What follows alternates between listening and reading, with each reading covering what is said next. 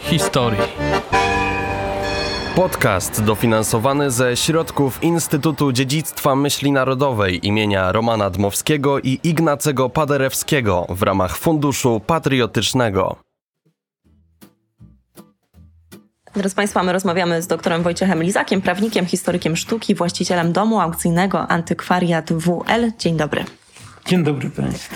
Znajdujemy się przy ulicy, przy e, rondzie imienia Marii Antoniny Bonieckiej. E, Chyba jedna z takich postaci trochę też zapomnianych w Szczecinie. Bardzo mało znanych, do, powiedzmy do końca.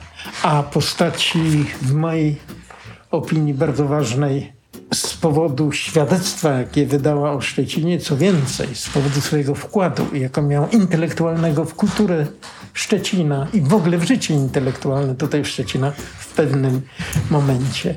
I ja zajmując się stalinizmem, bo ja napisałem doktorat ze stalinizmu w 1986 roku obroniony na Uniwersytecie y, Poznańskim, zawsze mnie interesował klimat tamtych czasów. Już nie tylko ta, powiedziałbym, polityczna historia, nie co się gdzie działo na szczytach władzy, w aparacie i tak dalej, tylko jak ta władza, która w tamtym okresie była, wyciskała swoje piętna albo podporządkowywała sobie społeczeństwo. I pani Maria Boniecka napisała taką książkę o latach 40., 50. i 60.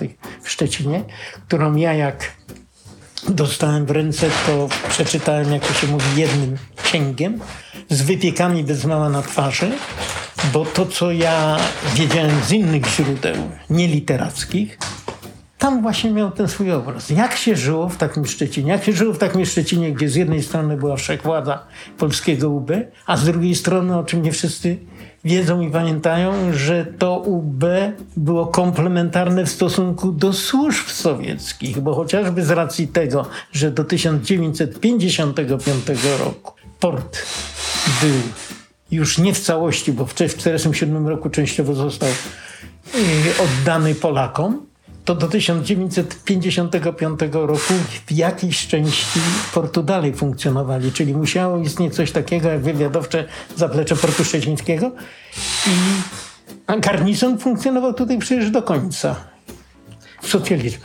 I pani Maria Boniecka pisze o inwiligacji, pisze o tym, co ją spotyka tutaj, pisze jak się żyje źle, jak w pewnym momencie próbuje ona zmienić, ona próbuje tutaj jednak mimo wszystko wywalczyć sobie jakiś taki zakres wolności i ma to misję inteligentki, bo działa w towarzystwie wiedzy powszechnej, próbuje nieść kaganego świata w lud i jak jej to się nie udaje. No właśnie, wspomniał Pan, próbuje e, nieść tą misję inteligentki, bo też z takiego domu Maria Boniecka pochodzi. Chociaż ona urodziła się w Warszawie. W 1910 roku w rodzinie właśnie inteligenckiej przed wojną kończy psychologię i filozofię, w zasadzie jest magistrem filozofii. Zajmuje się rehabilitacją, jak już pani zapewne wie. Przeszkadza? Może troszeczkę przymkniemy chwilę, bo to 7 minut potrwa. Ja przymknę, ale to, to już płytniemy, to musimy od nowa zaczynać. Ja wiem, ja wiem, że ja troszeczkę może przymknę. To, to wystarczy nam 7 minut, to mogę tak troszkę? Tak, tak, może być. O, będzie troszkę lepiej. Ale to nic nie szkodzi. O, i teraz będzie super. Mhm. Proszę mówić dalej, że ona, możemy zacząć, że e, tak, że No w pani, Warszawie. pani Maria Boniecka urodziła się urodziła się w 1910 roku w Warszawie. I przed wojną już y, była bardzo aktywna właśnie intelektualnie i kulturowo. Zresztą skończyła, y, skończyła pedagogikę i później obroniła się na Uniwersytecie Warszawskim z filozofii, magisterium. Już wtedy zajmuje się młodzieżą, ludźmi trudnymi, bo nawet gdzieś tam po więzieniach chodzi i próbuje ich reedukować, czyli miała takie to klasyczne, że żerom była przepojona tą zaromszczyzną, czyli każdy inteligent musiał mieć jakąś tą misję do wypełnienia. Oczywiście zaangażowana w konspirację między 1939 rokiem i 1945. No i w 1935 roku ten świat jej się skończył. Tak, nie było już tego tamtego świata. Nie? Ona no, musi się jakoś pozbierać. Próbuje jakieś tam związki mieć w dalszym ciągu z konspiracją.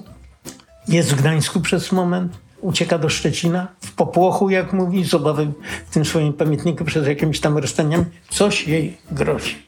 I tutaj niesłusznie zresztą, było takie przekonanie wśród y, wielu ludzi, którzy tutaj przyjeżdżali, że to jest ucieczka na koniec świata, że tu już będzie można ukryć tą swoją przeszłość. Ale z tego, co powiedziałem wcześniej, z tego nasycenia tymi rozmaitymi służbami specjalnymi, no przecież trzeba pamiętać, że to jest zaraz granica dodatkowo jeszcze.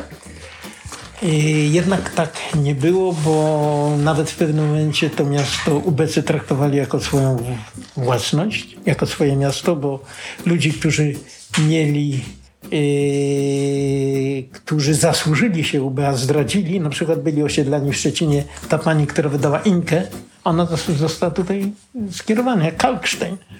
Również został przez UB skierowany na mieszkanie do Szczecina za te zasługi, żeby tu mówić spokojnie. Traktowali to miasto jak swoje. I taka osoba, z taką wrażliwością, z taką kulturą, z tą chęcią pisania, tworzenia i robienia czegoś takiego ponadnormatywnego, krótko mówiąc, kultury, zjawia się w Szczecinie.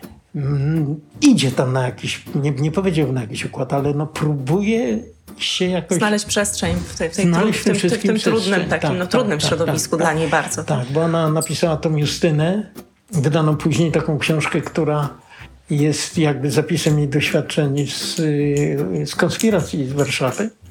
Ale później nawet jest taki ukłon, jej ukłon w stronę socrealizmu, czyli nad wielką nad Wielkim Zalewem jest taka jakby pozycja.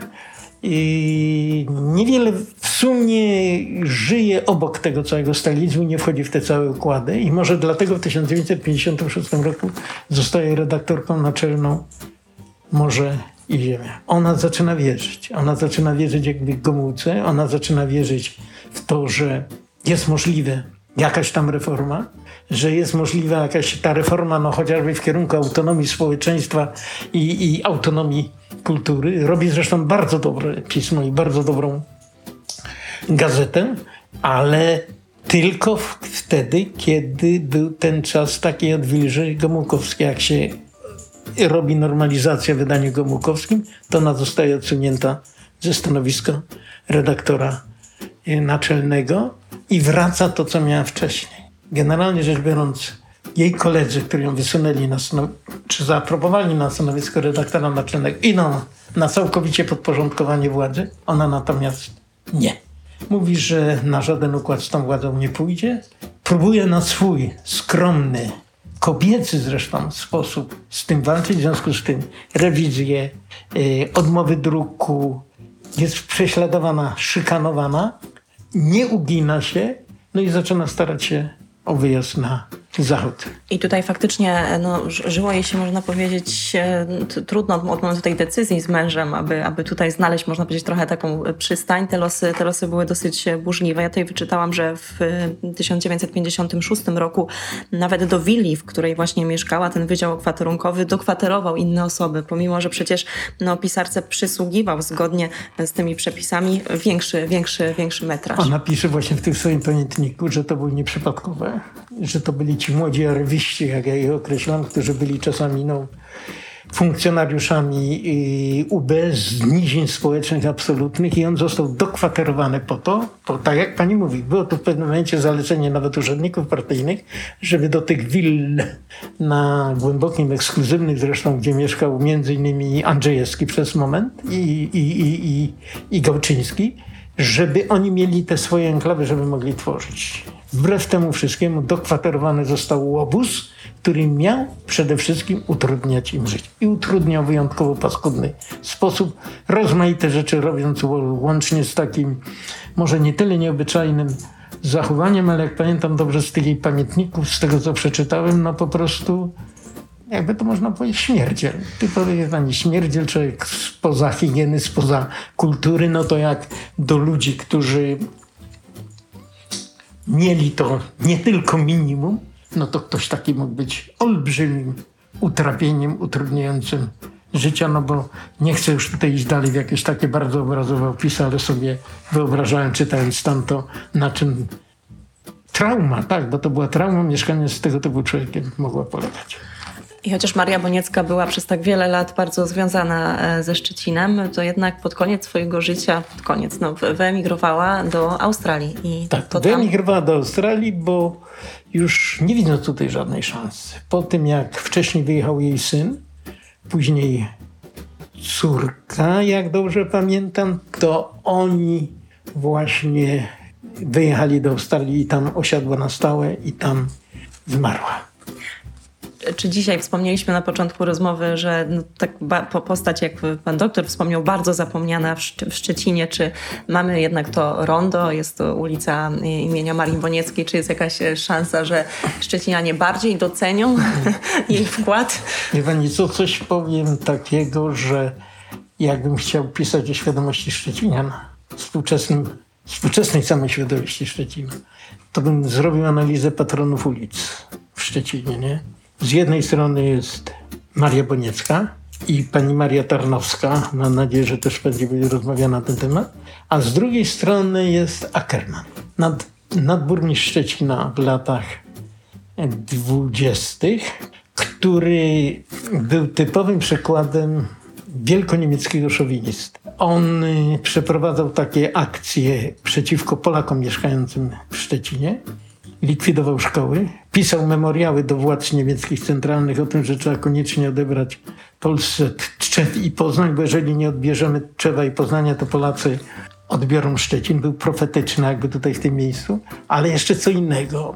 On z punktu widzenia dzisiejszych norm przeprowadził przeciwko polskim robotnikom sezonowym bardzo brutalną akcję, bo w pewnym momencie doszło do takiej wojny celnej pomiędzy Republiką Weimarską a Polską i Republice Weimarskiej zapowiedzieli, że na przyszły rok nie wpuszczą robotników rolnych, tych tutaj do tych latyfundiów, które to on ogrodził Szczecin kordonem policyjnym, nie pozwolił tym Polakom to się przenieść, oni w tragicznych warunkach z dużą śmiertelnością przezimowali tu.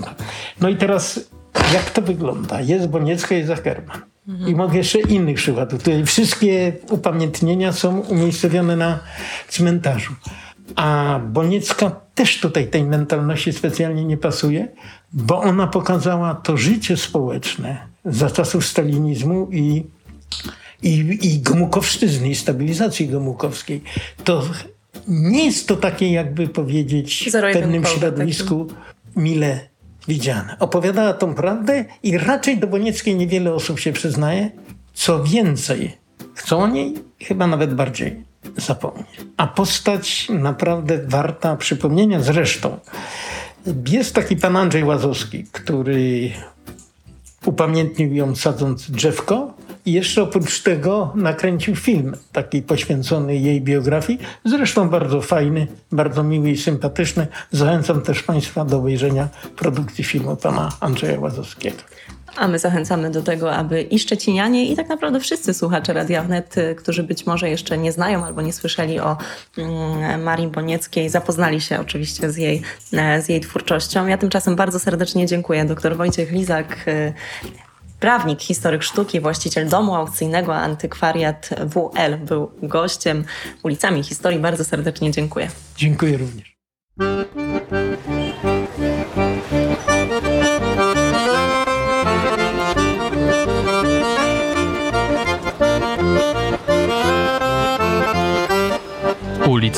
Historii.